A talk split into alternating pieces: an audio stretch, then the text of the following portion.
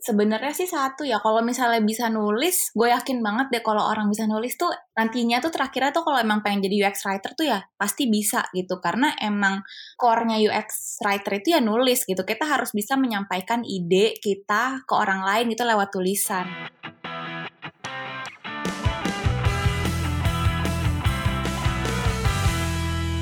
Oke, okay, podcast ngobrolin startup dan teknologi bareng gue Imre dan kali ini kita udah kedatangan tamu pertama di tahun 2022 dan dia adalah Alverta Shani. Kita sapa dulu, halo Ver. Hai Imre. Makasih udah mau diajak ngobrol ya siang-siang. Iya, pasti dong kalau lo yang minta mah. oh. Jadi uh, sebelum kita ngobrol lebih jauh, kalau boleh perkenalan sedikit dong dan kira-kira apa sih yang lagi interesting dari kegiatan lo sehari-hari belakangan ini? Um, ya, halo semuanya pendengar Imre, pendengarnya ngobrolin startup. Gue Verta, bekerja sebagai UX writer saat ini dan uh, mungkin yang lagi interesting sekarang di hidup gue apa ya?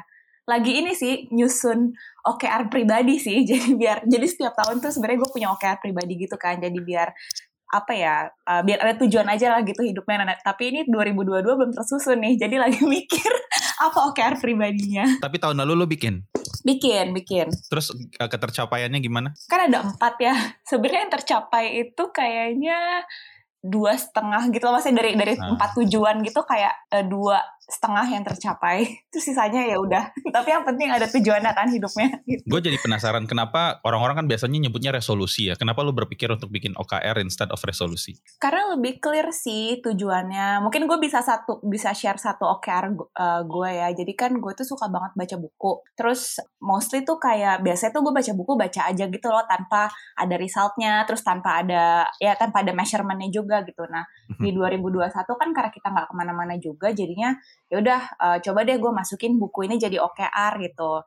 Nah di situ tuh uh, apa namanya gue ngeset goalsnya gitu loh. Kayak misalnya oh mau baca buku berapa? Terus buku-buku yang gue baca tuh juga genrenya apa? Tergantung dengan apa yang mau gue pelajari gitu. Nah jadi hmm. clear gitu loh, baca bukunya tuh bukan sekedar ya udah baca lewat baca lewat itu pengennya sih gitu. Tapi lumayan sih kayak oh inget sedikit, terus lumayan eksploratif juga gitu.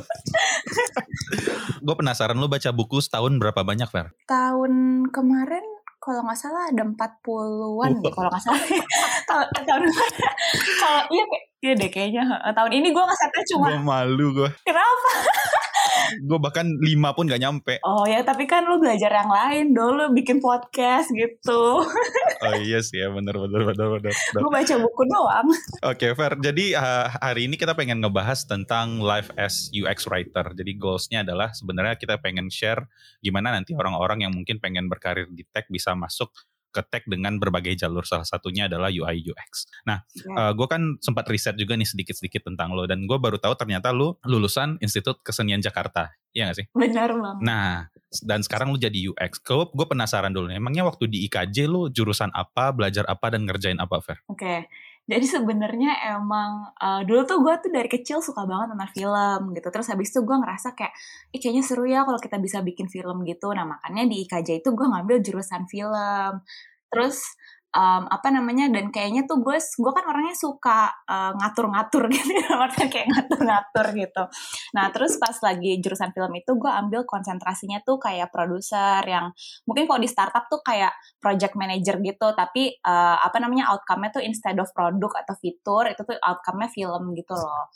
Nah tapi pas gue jalanin tuh kayaknya gue nggak gitu suka gitu loh di film kayak gue suka nonton film tapi gue nggak suka bikin film lo nggak merasa nggak sukanya waktu masih kuliah oh iya waktu mas gue masih kuliah ngerasa kayak kurang cocok cuma kayak sadarnya tuh pas udah lulus gitu loh kayak oh. Ih, kayaknya harusnya gue nggak ngambil film deh gitu oh. nah okay. iya tapi di situ tuh kan mungkin juga karena konsentrasi gue tuh produser yang di mana tuh lebih banyak berurusan dengan administrasi dan planning gitu loh uh, yang which gue nggak terlalu suka sebenarnya. Gue tuh lebih suka yang ke crafting gitu. Harusnya sih gue ngambil penulisan skenario ya karena mungkin lebih cocok gitu. Nah makanya uh, dari situ habis lulus gue mencoba untuk jadi penulis sih ke, ke dunia kreatif. Tapi lu waktu di kuliah lu udah nulis juga Enggak, jadi tuh waktu kecil tuh gue suka nulis, kayak nulis puisi, nulis cerita gitu ya. Cuma uh, gue ngerasa tulisan gue tuh nggak bagus, makanya gue nggak pede gitu.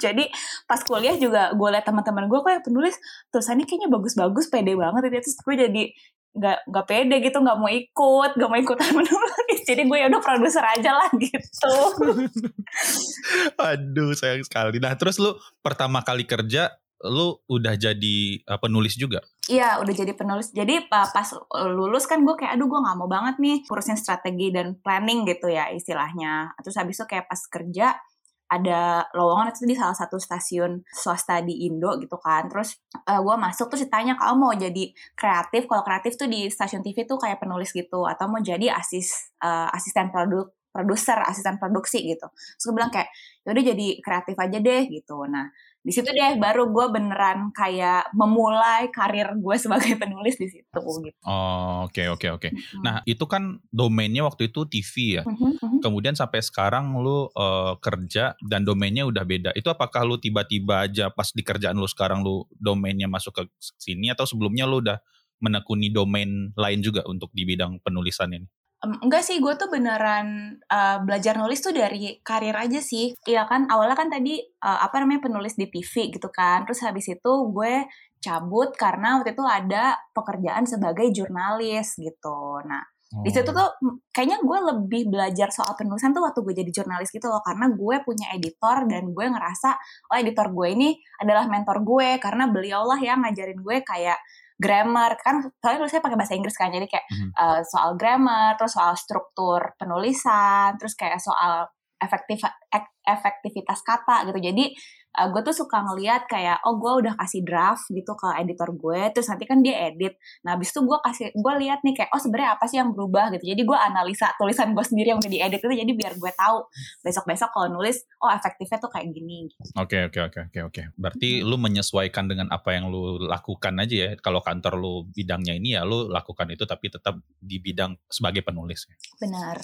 Nah uh, sekarang gue pengen nanya Fer. Dari title lu kan adalah UX writer. Boleh jelasin nggak Fer? Uh, UX writer ini sebenarnya ngapain? Yang selama ini gue tahu kan, gue yang sering gue dengar itu adalah UI UX design. Waduh, geluduk.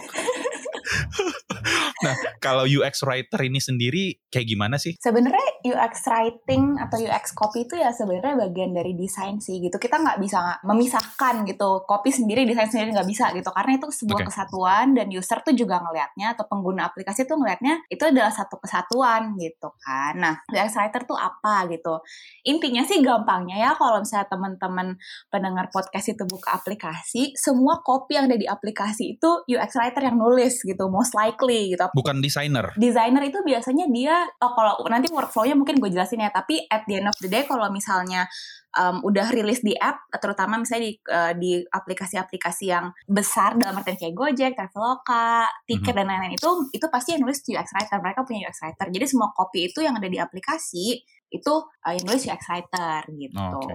Jadi workflow-nya kayak gimana, Fer? Gara-gara lu tadi nyinggung workflow.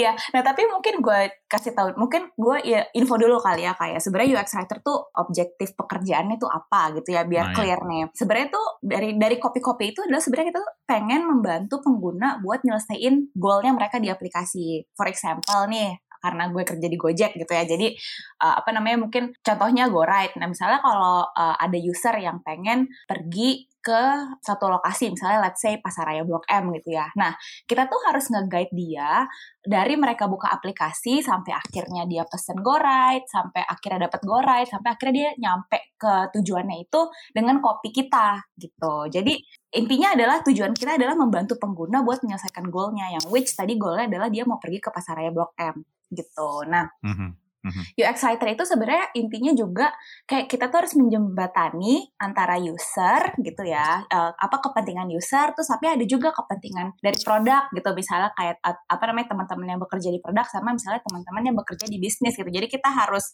bener-bener menyatukan atau menjadi bridge dari mereka gitu, karena kan masing-masing orang ini kan pasti punya keinginannya masing-masing. Jadi kita harus harus cari tahu tuh middle groundnya apa, sehingga nanti outputnya bakal jadi copy gitu. Sampai akhirnya nanti mereka bisa juga apa mencapai tujuannya. Nah, terkait workflow gitu kita tuh bekerja dekat banget sama banyak orang gitu karena kita melibatkan banyak orang gitu. Yang pasti kita kerja sama product design, product designer gitu ya, uh, atau UX designer gitu.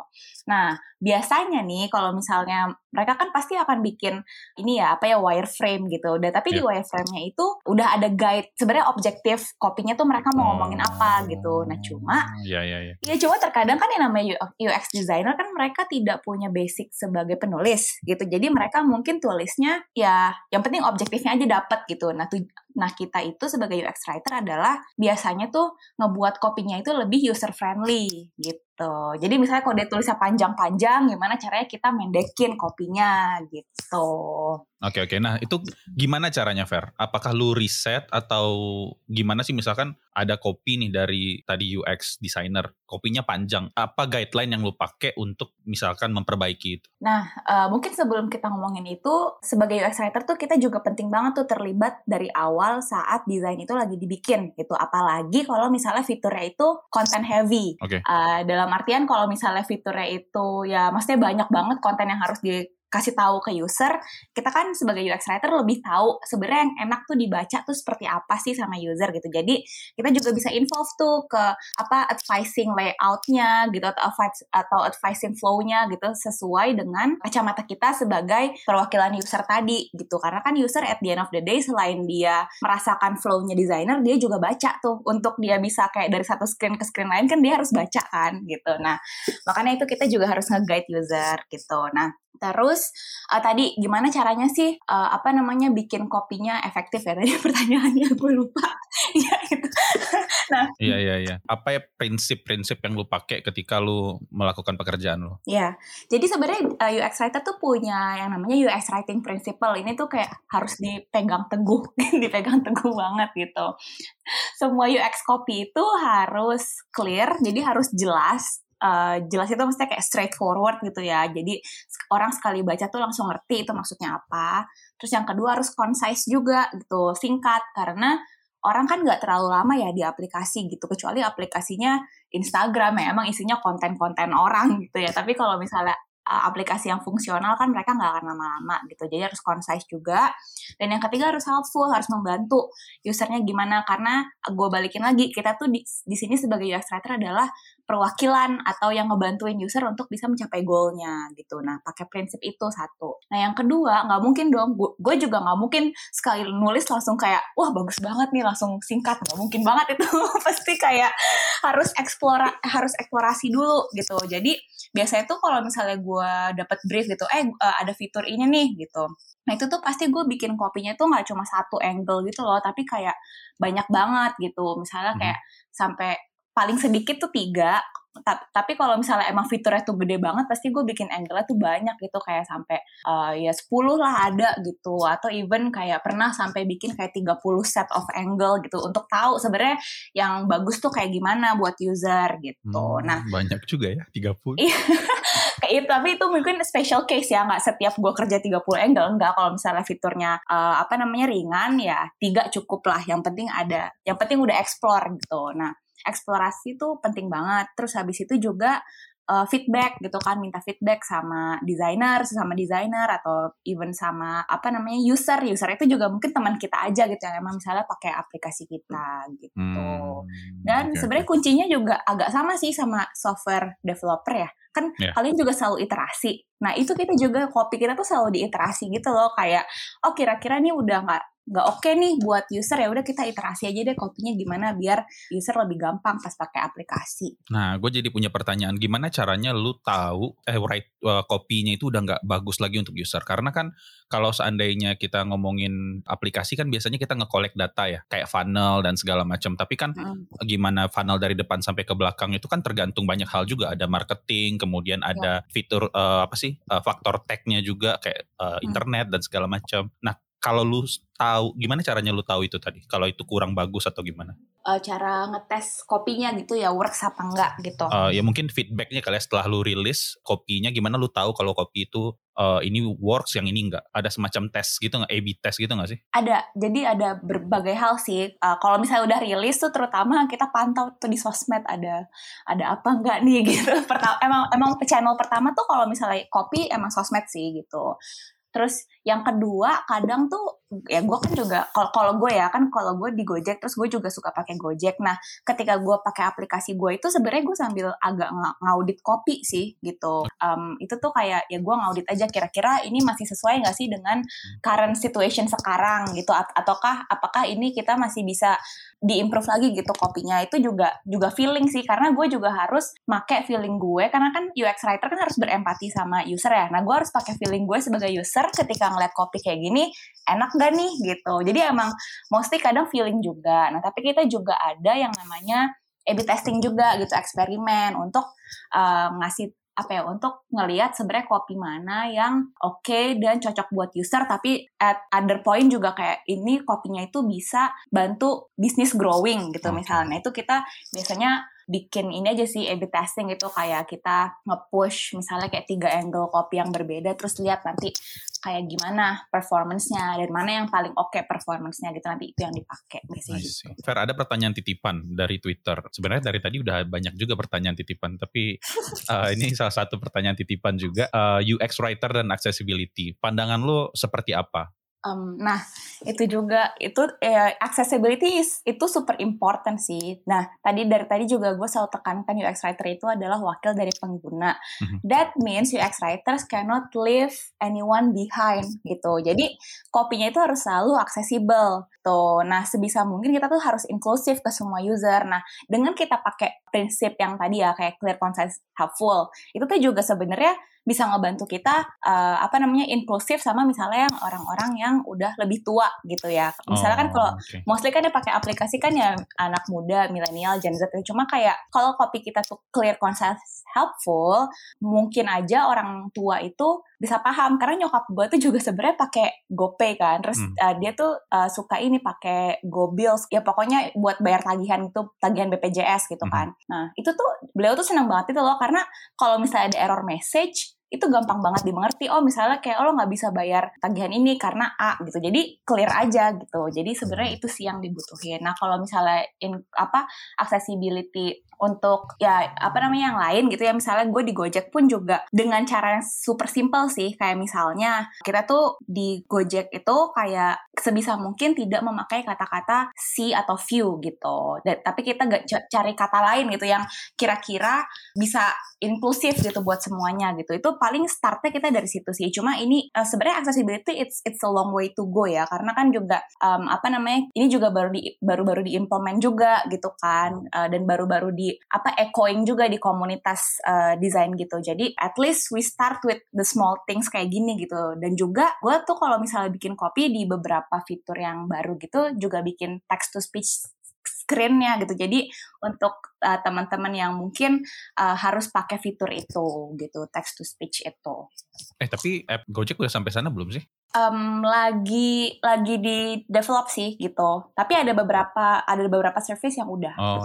Karena kalau gue gue baru nggak tadi ketika lo bilang ternyata accessibility itu bukan cuma sekedar untuk orang yang ngebantu orang yang punya disabilitas doang. Ternyata bahkan orang yang udah usianya lanjut pun juga termasuk yang butuh accessibility terhadap satu hal itu ya gue baru nggak dan sekarang gue pengen nanya tentang uh, gimana ceritanya lu bisa jadi UX writer di company lu yang sekarang um, sebenarnya cerita gue tuh nggak mesti biasa aja gitu loh kayak ya kan gue biasanya uh, apa backgroundnya udah penulis gitu kan. Terus saat itu gue masuk Gojek tuh tidak langsung jadi UX writer sebenarnya. Jadi gue kerja dulu di employer branding itu di HRD gitu HR yang tujuannya adalah kayak ya apa sih pengen nge-branding Gojek itu sebagai tempat bekerja yang oke okay lah gitu. Sehingga nanti orang-orang mau kerja di Gojek gitu employer branding kan sebenarnya gitu. Nah tapi apa pada saat itu kayak gue penasaran sih sama UX writing gitu ya. Karena gue liat kok ini kayaknya pekerjaannya lumayan seksi ya gitu. Kayak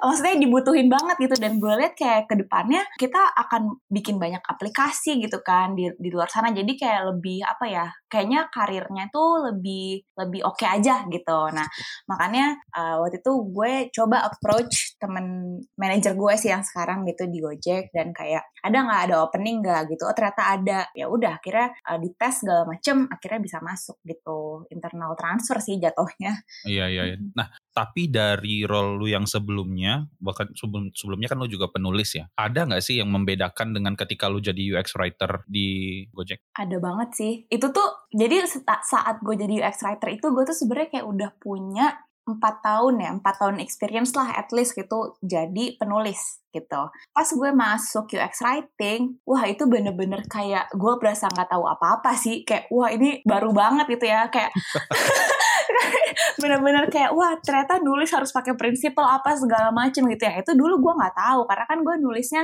artikel, gue nulisnya blog yang panjang-panjang gitu. Nah sebenarnya challenge-nya adalah gue harus nge-unlearn unlearn banyak hal gitu loh sebagai writer. jadi bener-bener harus mulai dari nol gitu. Tapi uh, modal gue sih dulu ya ini sih kayak gue tuh orangnya suka banget observasi gitu. Jadi ketika gue nggak tahu, gue tuh observe gitu. Kayak misalnya, let's say kalau misalnya kan uh, kalau di Gojek tuh kan suka banget, oh ya ada review, design review gitu. Oh, iya. Nah awal-awal tuh gue diem Imre karena gue nggak tahu kayak gue nggak ngerti desain juga kan waktu awal pertama kali masuk gue cuma ngerti writing gitu. Terus habis yeah. itu ya di situ gue dengerin aja gimana sih caranya orang-orang itu ngasih feedback gitu. Kayak misalnya lagi ada present design oh. gitu kan. Terus ya gitu kayak apa sih yang mereka feedbackin? Gitu. Nah dari dari pertanyaan-pertanyaan mereka, dari feedback-feedback mereka itu gue belajar gitu loh kayak oh ternyata lebih baik misal misalnya kalau misalnya mau uh, ngasih error message lebih baik uh, yang pakai dialog card atau pakai apa misalnya gitulah. Ya maksudnya kayak gue perhatiin itu gitu. Jadi gue belajar dari situ dan saat itu adalah yang paling sulit juga gue tuh harus admit gitu loh bahwa gue tuh sama sekali nggak tahu soal UX writing dan itu sebenarnya dengan gue yang punya experience yang udah lumayan banyak itu tuh sebenarnya gue harus vulnerable banget sih. Gue kayak harus bener-bener admit karena kalau misalnya gue nggak admit gue nggak tahu gue nggak akan move forward kan gitu. Sebenarnya it, itu sih yang awal-awalnya tapi akhirnya gue belajar banyak gue punya mentor gue ngobrol sama teman-teman diskusi jadinya akhirnya sekarang ya udah bisa menjalani ini dengan baik. Mudah-mudahan dengan baik ya. Nanti kita bisa tanya ke orang gimana nih kopi aplikasi Gojek segala boleh boleh. uh, satu satu hal Fer yang gue penasaran. Uh, apa satu hal yang biasa lo lakukan mungkin yang paling sering lo lakukan untuk ngasah skill UX writer? Itu sih observasi. Gue tuh sampai sekarang tuh observasi. juga suka banget kayak buka-buka aplikasi lain gitu kayak hmm. uh, apa misalnya terus habis itu gue lihat kayak apa writingnya kayak kenapa sih mereka um, nulisnya kayak gini gitu terus gue gue ini aja sih kayak mikir kalau misalnya gue jadi UX writer ya sebenarnya apa sih reasoning gue untuk nulis kayak gini dan kalau misalnya ada copy-copy bagus gitu gue kayak liatin wah lucu juga ya sebagai referensi gitu. For example misalnya oh, okay. Airbnb tuh kopinya bagus banget. Kalau misalnya udah kalau misalnya udah buka Airbnb yang sekarang kayak apa sih kopinya? Kayak yang di home-nya tuh bagus banget sih gue tapi lupa. Tapi itu kayak yeah, yeah, yeah. ini sih kayak gue observasiin gitu semuanya. Atau kalau misalnya gue buka aplikasi yang lain gitu gue juga mikir misalnya kayak gimana sih caranya gue bisa mengimprove kopi ini gitu tapi di di kepala gue aja gitu kalau lagi iseng okay. gitu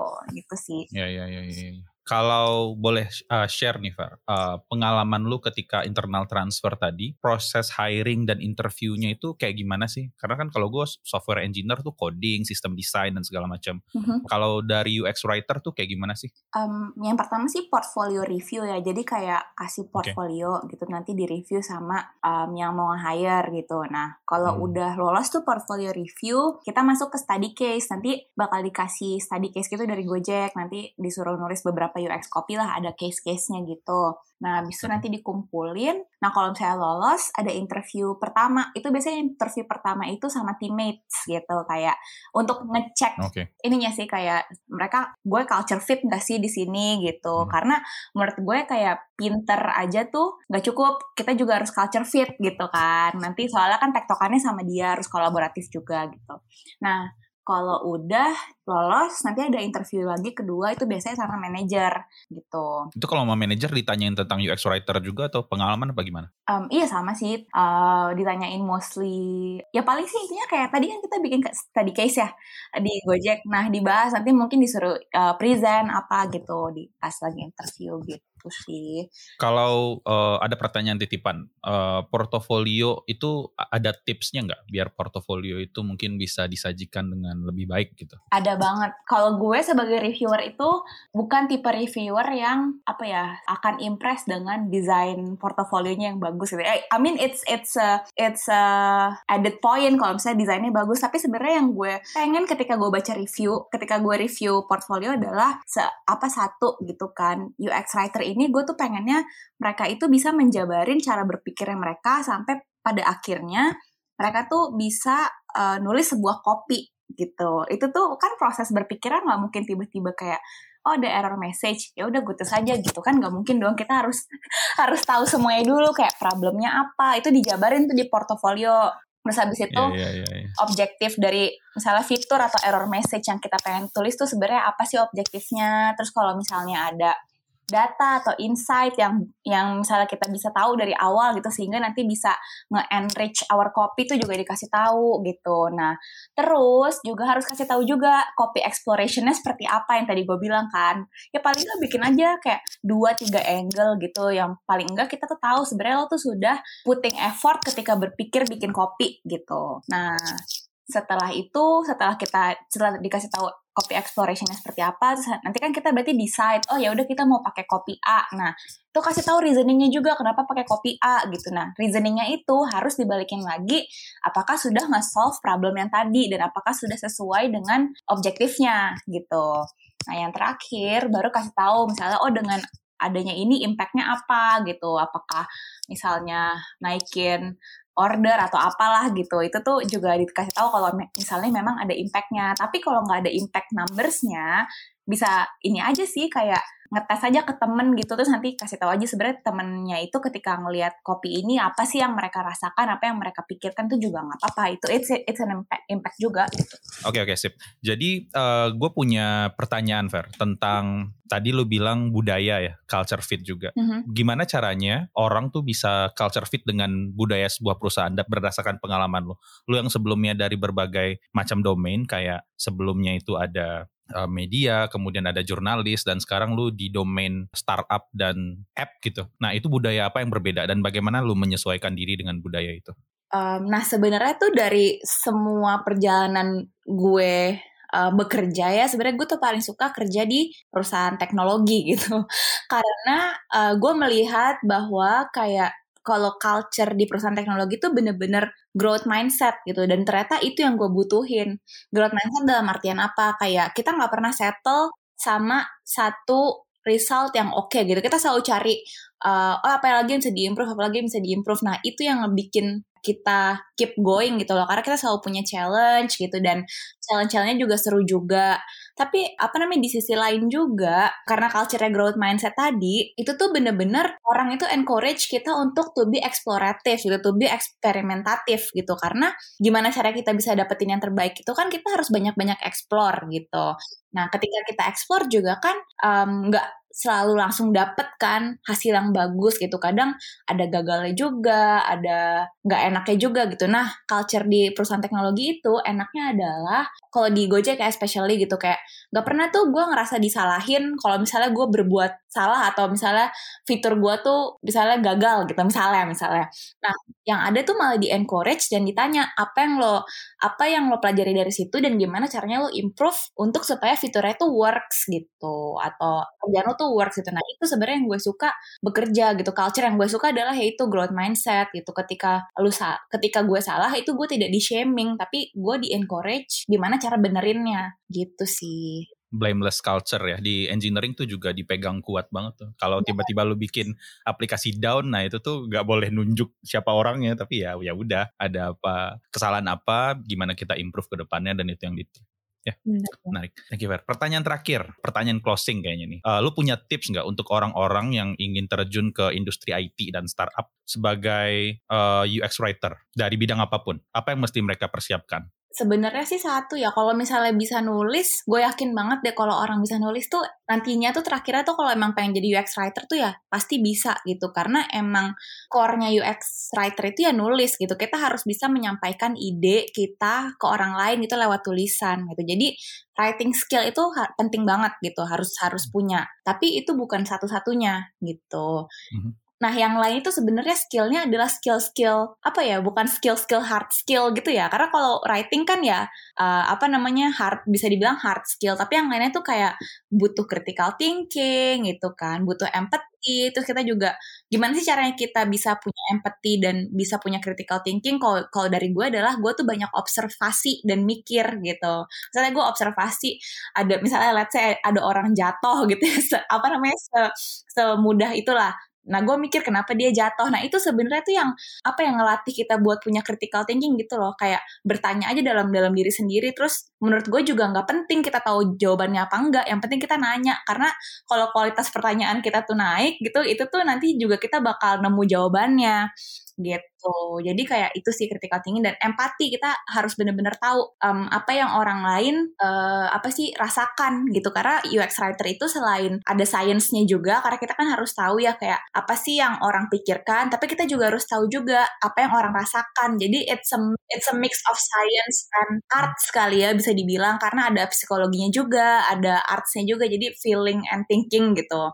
Nah, itu sih kayak bener-bener harus berempati. Dan lucunya adalah kayak gue baru sadar ketika masuk di Gojek adalah empati is a skill gitu loh. Karena ketika kita bisa empati itu tuh apa ya enak aja bekerja sama orang gitu. Kita kolaboratif. Dan yang terakhir adalah communication skill gitu. Karena kalau misalnya jadi UX writer itu kita punya banyak stakeholders. Dan kadang tuh stakeholders kan pasti kasih feedback apa segala macam gitu. Tapi dan again menurut gue UX writer adalah orang yang paling mengerti usernya gitu ya. Uh, feedback it's it's good it's good to have feedback. Tapi kan harus di filter juga nggak semuanya kita harus aplikasikan. Nah karena itulah kita butuh communication skill gitu loh untuk kasih tahu sebenarnya uh, reason kita tuh untuk bikin kopi ini tuh kayak gimana. Dan itu kita butuh untuk bisa uh, meyakinkan stakeholders bahwa kopi yang kita tulis itu adalah kopi yang terbaik untuk user gitu. Jadi ya paling itu sih skill-skill yang harus dimiliki. Fair, gue jadi punya pertanyaan, apakah uh, lu kan gue perhatiin hobi jalan-jalan, apakah hobi jalan-jalan lu ini sebagai bagian dari lu mengobserv sesuatu? Iya sih, kadang ya, kadang um, ya gue suka banget ngelihat ap, apa ngelihat orang gitu. Terus gitu kayak orang itu ngapain terus gue kayak berpikir eh kenapa ya dia kayak gitu? Gitu nggak tau deh hobi aja. Gitu. Tapi tapi tanpa judgement ya gitu. Soalnya kalau udah yeah, kalau yeah, judgement yeah. kan kayak ya udah lu udah keblok aja gitu. Oke okay, ya ya itu penting ya oke. Okay. sip. Uh, makasih banyak Fer udah mau diajakin ngobrol. Uh, eh, gue rasa ini obrolan yang sangat bermanfaat buat orang-orang yang mendengarkan mudah-mudahan. Jadi uh, sekali lagi makasih Fer. Uh, sehat-sehat terus sama-sama. Oke, okay, uh, eh, kalau gitu terima kasih buat yang udah dengerin podcastnya uh, sampai terakhir dan mudah-mudahan bermanfaat untuk semuanya. Seperti biasa, kalau seandainya kalian suka dengan podcast ini, follow di Spotify dan jangan lupa kasih rating juga di Spotify bintang 5.